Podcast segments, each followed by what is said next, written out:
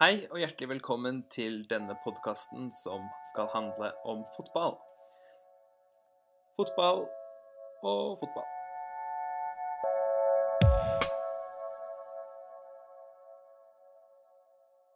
Ja, da ønsker jeg velkommen til første episode av denne podkasten, som bare heter Fotball, fotball, fotball, egentlig. Kunne alltids kalt den for noe mer kreativt, funnet et sånt eh, spansk eller italiensk fotballuttrykk, og, eller kalt den sånn target man, eller trequartista, eller, eller midt i krøsset, eller et eller annet sånt. Men eh, jeg holder enkelt og kaller den rett og slett bare fotball, fotball, fotball, for det er det det handler om. Og nå i oppstartsfasen så vil jeg ta for meg ganske naturlig Europamesterskapet i Frankrike, eller Euro 2016. Og istedenfor å ta for meg Hei, forresten. Jeg heter Vetle. Det er kanskje hyggelig å introdusere seg. Um, ja, det skal altså handle om EM nå i, i starten, og uh, måten jeg har lyst til å angripe det store, fantastiske konseptet på uh, Endelig er det liksom sommer og mesterskap. Um, det er å ta én spiller på hvert lag. Snakke om én spiller på hvert lag. Og prøve å kanskje gi en ny innfallsvinkel til alle disse gruppene alle disse lagene gjennom denne ene spilleren. Og de spillerne jeg har valgt, er valgt de er, altså de, de er valgt ut fra litt sånn ymse kriterier. Eh, det er ikke nødvendigvis den beste spilleren, noen ganger er det også det. Men eh, det kan være en spiller som er eh, et ungt talent, som er litt sånn se opp for denne karen. Eller det kan være en såkalt unsung hero, en som ikke får så mye oppmerksomhet som man kanskje fortjener. Eh, eller det kan bare være tilfeldig type jeg velger ut, og av en eller annen grunn synes jeg er litt interessant. Så eh, ja, da er det egentlig bare å sparke i gang. Eh, ja, teit, teit metafor å bruke en fotballpodkast, sparke i gang, men vi, ja, vi, vi, setter i gang. Og eh, ja, da gjenstår det bare å ønske, ønske dere en god fornøyelse. Forhåpentligvis eh, er det eh, Målet er at dere ikke skal kjede dere nå i starten, og så får vi ta det derfra. Uh, og at dere kanskje lærer noe nytt. Kanskje får dere øynene opp for noen spillere i løpet av mesterskapet. Det blir litt morsommere å følge fordi dere har hørt litt om dem her. Kanskje ikke. Men uh, vi setter i gang.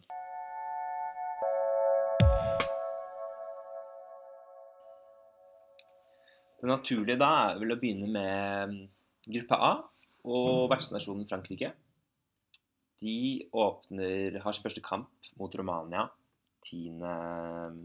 juni klokka ni. Og spilleren jeg har valgt ut fra dette laget, er Blaise Matuidi. Den sentrale midtbanespilleren som er 29 år gammel og spiller for Paris Saint-Germain. Og Grunnen til at jeg har valgt Blaise Matuidi, er fordi han er en sånn eh, fantastisk type midtbanespiller som, som, er overalt. Altså Han er en klassisk boks-to-boks-spiller med liksom, enorm kapasitet. Og hans evne til å bidra liksom, offensivt eh, med kreativitet, på midten med fighting, og hjem eh, i forsvar med liksom, trackback players, er veldig imponerende. Han har spilt siden han kom fra Saint Etienne eh, til PSG, PSG i 2011, tror jeg så har han spilt nesten 50 kamper per sesong for PSG. Vært veldig viktig i det, den oppadgående kurven man kan si PSG har hatt eh, siden den tid. Og grunnen til at Matuidi er Jeg syns Matuidi er spennende, da, er at han er eh, på en måte det sentrale leddet i dette forholdsvis unge franske laget.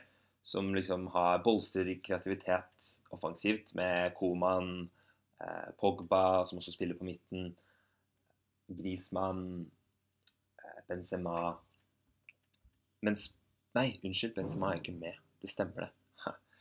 Uh, ja, det er jo en hel, hel, egen historie i seg selv. Men uh, poenget mitt er i hvert fall at Matuidi er uh, veldig sånn stabil spiller. det franske laget har vært preget av ustabilitet i, de, de siste mesterskapene. Og jeg tror at hvis Frankrike skal kunne gjøre det så bra som mange tror de kan gjøre det, da, Eh, jeg er kanskje ikke helt enig i at de er favoritter, sånn som mange mener de er. Det skal vi komme tilbake til senere. Eh, men hvis de skal kunne gjøre det bra, så tror jeg de er avhengig av at Matuidi har et godt mesterskap og holder seg skadefri. Og jeg tror han kommer til å klare det, så jeg tror Frankrike også kommer til å gjøre det bra. En ganske herlig type Matuidi. Det er et morsomt, ekstremt morsomt klipp fra en kanskje enda herligere, hvis man kan si det, mer herlig spiller, fransk spiller, Mamadou Sakko, eh, som på Snapchat har lagt ut en film hvor han kjører rundt i Paris sine gater på moped mens han filmer eh, filmer mobilen sin. Eh, mens han kjører, altså, så filmer han Snapchat, med Snapchat, og så eh, kjører han gjennom gaten, og så eh, ser han Matuidi midt i Paris, da stående ved siden av bilen sin. Og så kjører han opp mens han filmer og, og roper 'Plusi! Plusi!' Og ser Matuidi snur seg, og liksom Første uttrykket hans er liksom ah, hva, hva, er dette? Er liksom en fotball en, en, irriterende fan som skal ha autograf eller noe sånt. Så det er liksom, han snur seg, og så ser han at dette er Sakko da, med svære motorsykkelhjelmen. Uh, og bare smiler, og, og de liksom eh, gir high fives, og det er ganske herlig klipp. Så Matuidi, følg med på han. Se bare hvor mye han løper, se hvor viktig han er. Eh, prøv å ta oppmerksomheten vekk fra liksom de kule fintene som Grismann gjør, og de 50-meterspasningene Pogba slår. Og se bare på hvor mye Matuidi løper, og hvor viktig han er for alle faser av Frankrikes spill. Så det var første spiller. Da går vi videre til andre lag, og det er Albania. Spilleren du skal se opp for hos Albania i år, eh, det albanske laget hvor, som kanskje ikke har så mange kjente stjerner, eh, det er etter min mening Elsad Hysai. Han er 22 år gammel, høyreback, spiller for Napoli og har denne sesongen spilt altså 37 kamper for Napoli. Og det er, hvis ikke jeg tar feil, all, altså 37 seriekamper. Og det er, eh, hvis ikke jeg tar feil, alle seriekampene, bortsett fra én. Det er én seriekamp han ikke har spilt. Noe som er veldig imponerende for et så godt lag som Napoli, og når du er såpass ung. Og Elsa Tisai er en veldig allsidig defensiv spiller. Han kan spille på alle, eh, i alle posisjoner eh, der bak. Og har en veldig interessant historie. Han var så mange av de andre uh, albanske spillerne sønn av uh, innvandrere som flyttet i El Saids tilfelle til Italia. Mange av de er flyttet til Sveits også, bl.a. broren til Granit Xhaka, som spiller på Albania, og som jo skal møte eh, Sveits i første kamp i deres første runde. Det er Albania mot Sveits. Det blir et interessant møte. Men tilbake til Elsa Dysai. Hans far eh, flyttet da til Jobbet i Italia og jobbet på, med å bygge huset til en mann med navn Marco Picco, Picciolo. Picci, Marco Piccioli. Beklager til alle italienske lytterne der ute, eh, som helst sikkert ikke finnes. Men han eh, jobbet på dette huset, faren til Elsa Desai, og Marco Piccioli var fotballagent. Og faren til Elsa Desai var da veldig keen på å få sønnen sin inn på et akademi i Italia. Og som, da, da, bare Desai var bare ti år, så spurte han da denne agenten om han kunne ta en titt på sønnen. Eh, og han sa spøkte og sa det er ti år for ung, kom tilbake om et par år. Og faren til Hisai tok eh, ham på ordet og kom tilbake fire år etterpå og sa nå kan du ta en titt på sønnen min nå, kanskje. Og det endte til slutt med at Hisai kom inn under vingene til Empoli og gjorde det godt der opp gjennom eh, aldersbestemte lag. Og til slutt endte han da opp i Napoli, hvor han nå spiller fast og ble til og med tatt ut på liksom laget med de beste Altså Gianluco Di Marzio, som er en kjent italiensk fotballekspert, lagde, satte opp et lag med de beste unge spillerne eh, fra 2015-2016-sesongen. Eh, hvor Pogba var, f.eks. Pogba og Dybali fra, Dybala fra Juventus. Der var han, og han har blitt linket etter denne fantastiske sesongen han har hatt, med Bayern München, Atletico Madrid, Chelsea og til og med Barcelona. Så hold et lite øye med Elsa Dysai og se hvordan han sammen med andre nevneverdige spillere som Loricana, så klart, som er kanskje den beste albanske spilleren eh, I hvert fall vært den beste albanske spilleren i mange år. Hvordan de kanskje kan um, være med å snuse på andreplassen i den gruppa. Skal ikke være helt uh, utenfor rekkevidde, det. Ok, det var Albania og Elsad Husay. Neste lag ut er Romania. Og spilleren jeg har valgt å fokusere på her, er Gabriel Torje, som er offensiv midtbanespiller. Uh, først kort om Romania generelt. De har et ekstremt solid forsvar. Altså, de slapp inn kun to mål på ti kamper eh, over en periode på ti kamper i kvalifiseringen. Det var det beste i hele Altså over alle kvalifiseringsgruppene. Eh, så det er liksom hovedstyrken til dette rumenske laget. Derfor mener jeg at Gabriel Torje, som er den, etter min mening den med mest kreativt potensial i midtbaneleddet, veldig viktig. Fordi om eh, de skal kunne på en måte høste fruktene av dette sterke forsvaret, så er de avhengig av at Torje eh, gjør en god jobb, og at han finner kreativiteten og formen og klarer å skape noe fremover. Han har eh, spilt 49 kamper for Romania og skåret 10 eh, mål.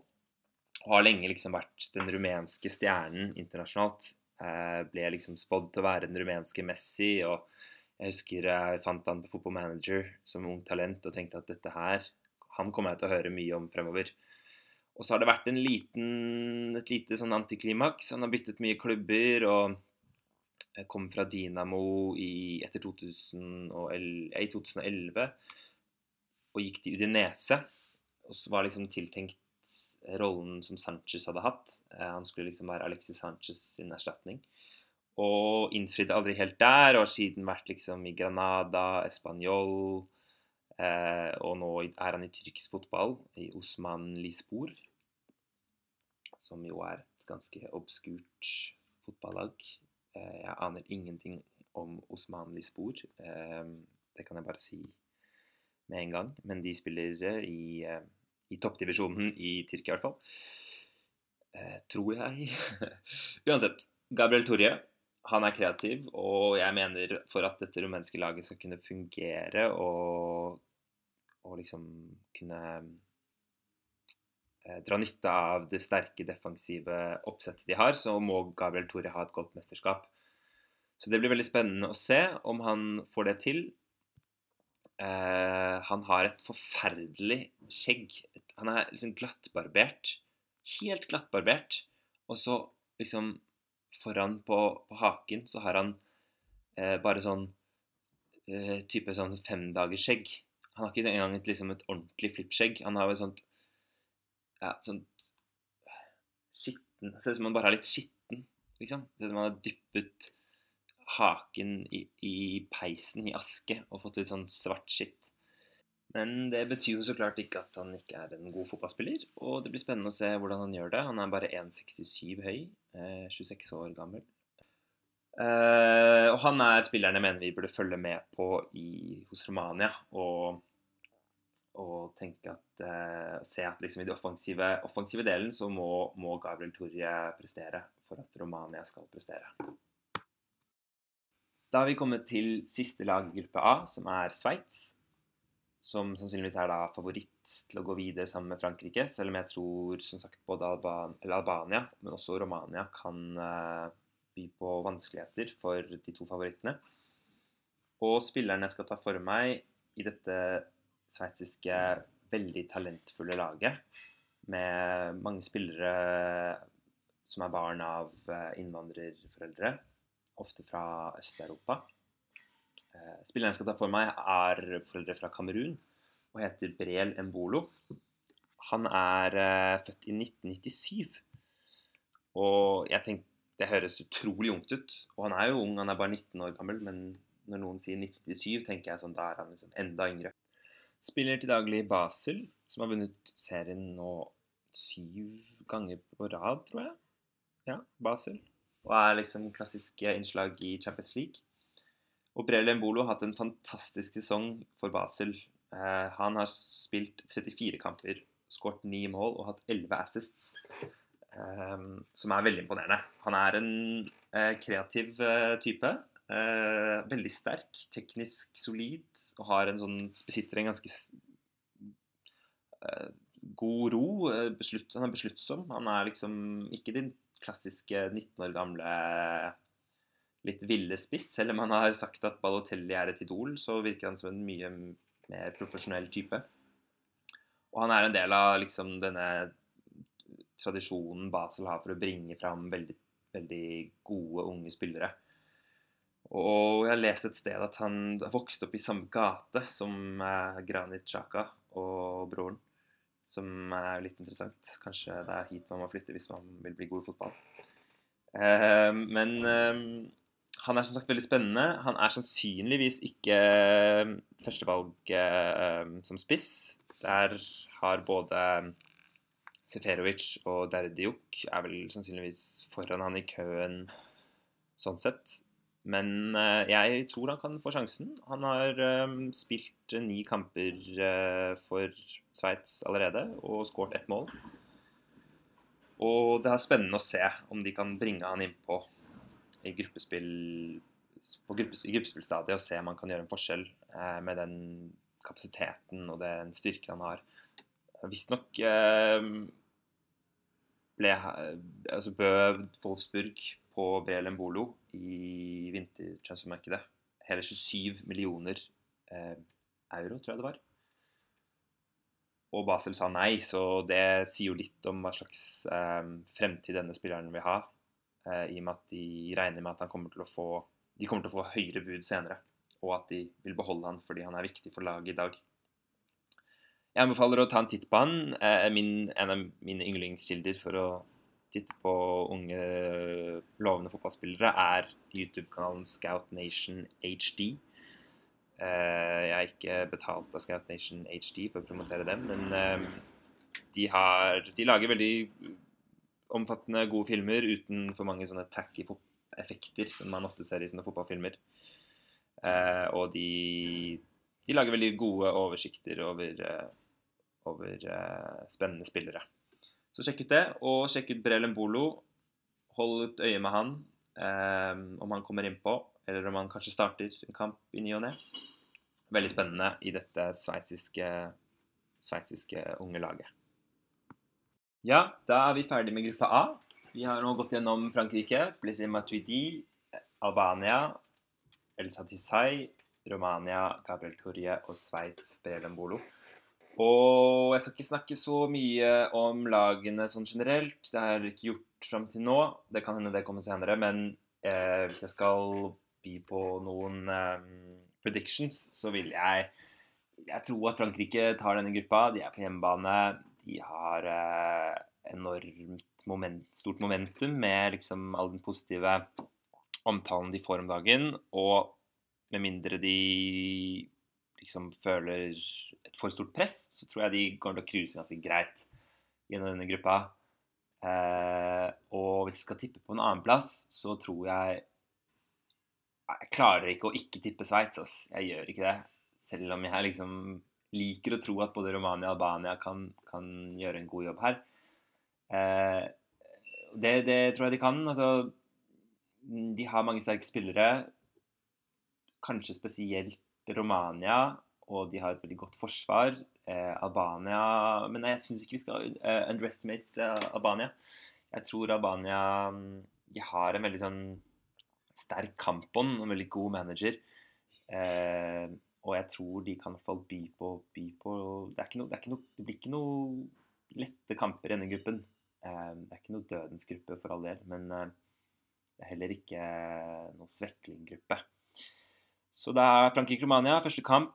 Det gleder jeg meg kjempemye til. Dagen derpå, 11. juni, spiller Albania mot Sveits. Og håper dere har eh, likt gjennomgangen av denne første gruppen med et par interessante spillere. Og jeg går nå videre til gruppe B.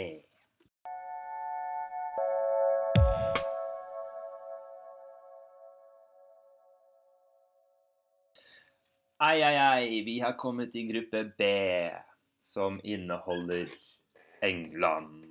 Du, du, du. Dette evige snakket om England og mesterskap som aldri ser ut til å gi seg. Eh, mange mener at dette året her er liksom første året hvor eh, presset ikke er så stort, og spillerne er unge og talentfulle, og laget har masse potensial, og kampene bla, bla, bla, bla, bla. Jeg mener å huske at jeg hørte lignende ting før VM for to år siden. Eh, men vi skal allikevel eh, se på England og velge ut én spiller, og spilleren jeg har valgt ut, er Wayne Rooney. Det var kanskje litt skuffende for mange, fordi dette laget har jo såpass mange spennende spillere for tiden. Marcus Rashford, Jamie Vardy, Harry Kane, uh, Eric Dyer, Delali uh, Ross Barkley Det er så mange unge, spennende spillere i det engelske laget nå, og det kan man ikke nekte for. Men jeg har likevel valgt å fokusere på Wayne Rooney. Og grunnen til det er at det har vært mye snakk om, om Wayne Rooney skal starte for England. Uh, han er jo kaptein um, og har jo så klart blitt kalt opp til, til uh, EM-troppen. Men spørsmålet er skal han starte eller skal han ikke. Uh, ville det vært bedre med en Ross Barkley istedenfor en Wayne Rooney hengende bak Harry Kane og Jamie Vardy f.eks.? Uh, mitt ganske klare svar på det er ja jeg tror det hadde vært bedre å ikke starte med Wayne Rooney. Og det er ikke noen kontroversiell, um, kontroversiell mening, det, men jeg synes allikevel, Det er derfor jeg har valgt å snakke om Wayne Rooney. Fordi jeg syns det er litt interessant med disse spillerne, sånn som Wayne Rooney. Som nå, snakker, ja, nå er Wayne Rooney ikke lenger en spiss. Han blir nå trukket lenger ned på banen i offensiv midtbanerolle, og til og med en mer sentral, hengende midtbanerolle i Manchester United, og kanskje også ser vi han spille der for England. Og jeg synes det er så spesielt, fordi det virker som han får disse rollene bare fordi han har vært en veldig god spiller veldig lenge.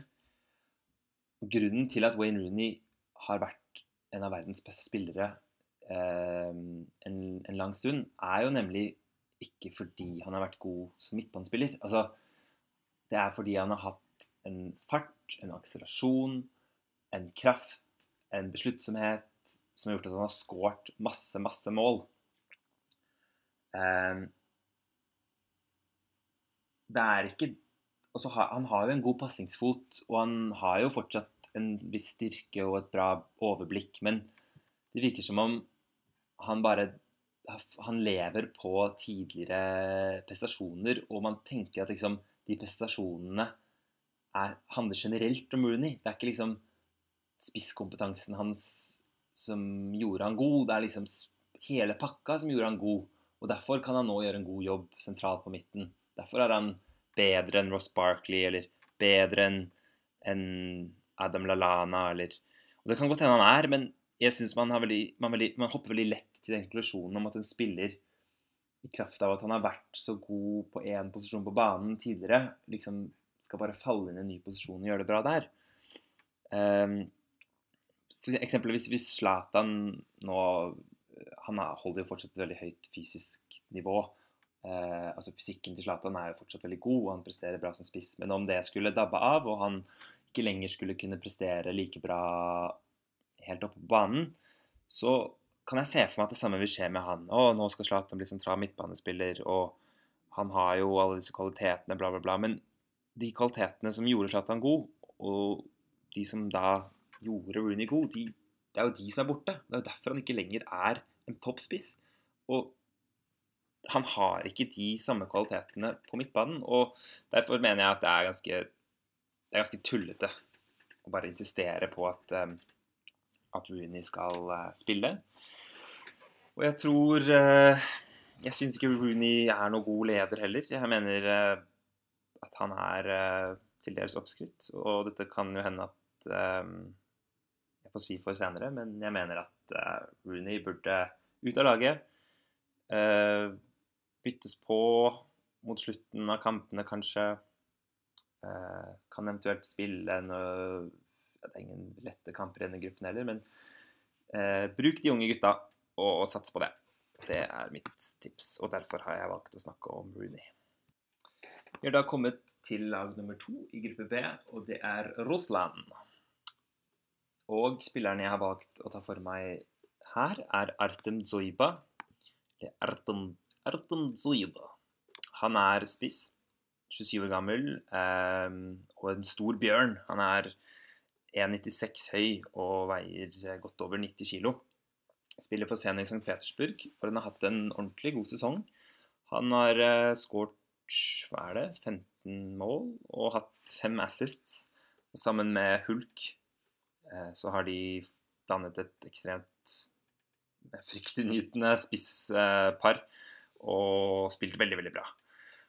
Også for landslaget har Zuiba spilt godt lenge. Han har spilt, um, han har spilt uh, 16 kamper for det russiske landslaget og skåret åtte mål. Dvs. Si han skårer i gjennomsnitt annenhver kamp. Og om Russland klarer å bruke han riktig, så tror jeg han kan ha et ekstremt godt mesterskap. Og at han kan skåre mange mål, ikke minst, i gruppe B, som hvor forsvarene til England, Wales og Slovakia er litt usikkerheter her og der. Eh, og om de klarer å spille han fri, om han er i god form, så tror jeg fort han kan skåre mange mål. Og jeg tror også Russland kan gå videre. Og, ifølge, og da blir han en interessant spiller å følge med på i transfermarkedet. Han er ifølge den tyske siden transfermarkt.de verdsatt til 9 millioner eh, euro. Eh, det ble sist endret i januar, ser jeg. Og jeg tror fort at han kan At han koster veldig mye mer. Zenit pleier å selge spillerne sine for ganske mye. Og jeg tror eh, hvis han har, en, har, et bra mesterskap, så kan han fort bli interessant for mange europeiske storklubber. I hvert fall klubber i det øvre sjiktet. Så hold et lite øye med Artem Zliba. Eh, det russiske landslaget er alltid veldig vanskelig å spå hvordan de kommer til å gjøre det. Men de har i hvert fall eh, begynt å bygge et nytt lag fram mot VM som de skal hoste om to år. Så det blir spennende å se om de allerede nå har funnet en slags, en slags samspill eh, hvor Zoiba eh, jeg tror vil være, spille en, en viktig rolle. Da har vi kommet til Wales det andre laget i denne gruppen fra Storbritannia. Det blir en veldig spennende kamp. England mot Wales. Eh, to rivaler, kan man si. Det vil, bli, vil, jo ikke bli like ille som en potensiell kamp mellom England og Skottland, så klart. Men jeg tror det kan bli veldig, veldig spennende. De skal spille kampen sin på Lens sin stadion. Den har nesten 40 000 plasser. Og det har vært en del, eh, en del, kontroverser rundt denne kampen allerede, egentlig. Det var ikke lenge rundt et rykte om at det ikke skulle serveres alkohol. Eh, altså for å roe gemyttene. Det viste seg å ikke stemme. Men eh, hovedkontroversen, som Eller et hovedproblemet som er veldig reelt, er at disse lagene sannsynligvis grunnet eh, stadionlayoutet må sitte ved siden av hverandre. Altså England-fansen må sitte ved siden av Wales-fansen. Mens man vanligvis har liksom nøytrale tilskuere imellom, så er det av en eller annen grunn så har denne stadion Stade Boller de Lille eh, ikke mulighet for denne avskillingen. Så det kan bli, det kan bli spennende. Eh, spilleren jeg skal ta for meg hos Wales Her sliter jeg litt med å velge ut én spiller, for det fins så mye spennende å ta av. Eh, men jeg har endt opp med å snakke om Aaron Ramsey. Det er kanskje et litt kjedelig valg.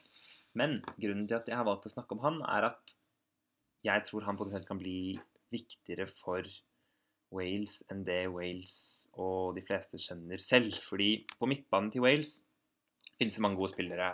Eh, Joe Allen, eh, Andy King, som vant Premier League med Leicester.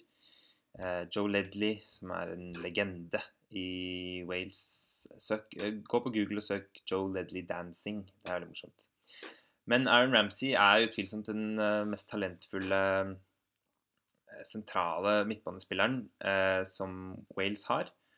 Og det blir eh, Og de er avhengig av at Ramsey har et godt mesterskap for at, for at de skal kunne ha at, For at Wales skal ha et godt mesterskap. Det, det mener jeg virkelig. Fordi Aaron Ramsey er en litt sånn spesiell spiller. Han har jo mangler den selvtilliten eh, mange spillere bygger seg opp i de liksom, tidlige 20-årene når de får spille fast for gode lag. Mye grunnet den forferdelige skaden han fikk, og at han har vært litt av og på med skader i ettertid. Men han har jo vist da de siste par sesongene at han det bor veldig mye god fotball i han, og at han har potensial til å spille godt over flere kamper. Men så har man sett denne sesongen at han, forsvunnet, han forsvinner litt. Han forsvinner plutselig. Han kan liksom dra av tre spillere, og så kommer det til det siste, siste leddet, hvor han skal slå den siste pasningen, og, og, så når ikke den pasningen fram. Og det kan hende det handler litt om selvtillit. Og jeg tror det er jo alltid et viktig element i fotballen eh, å, ha, å ha trua på seg sjøl. Men hvis han skal eh, klare å kunne spille fram Gareth Bale da, på topp, eh, som sannsynligvis kommer til å spille seg med Hal Robson Canu, som er en spiller jeg av en eller annen grunn ikke har så mye til overs for.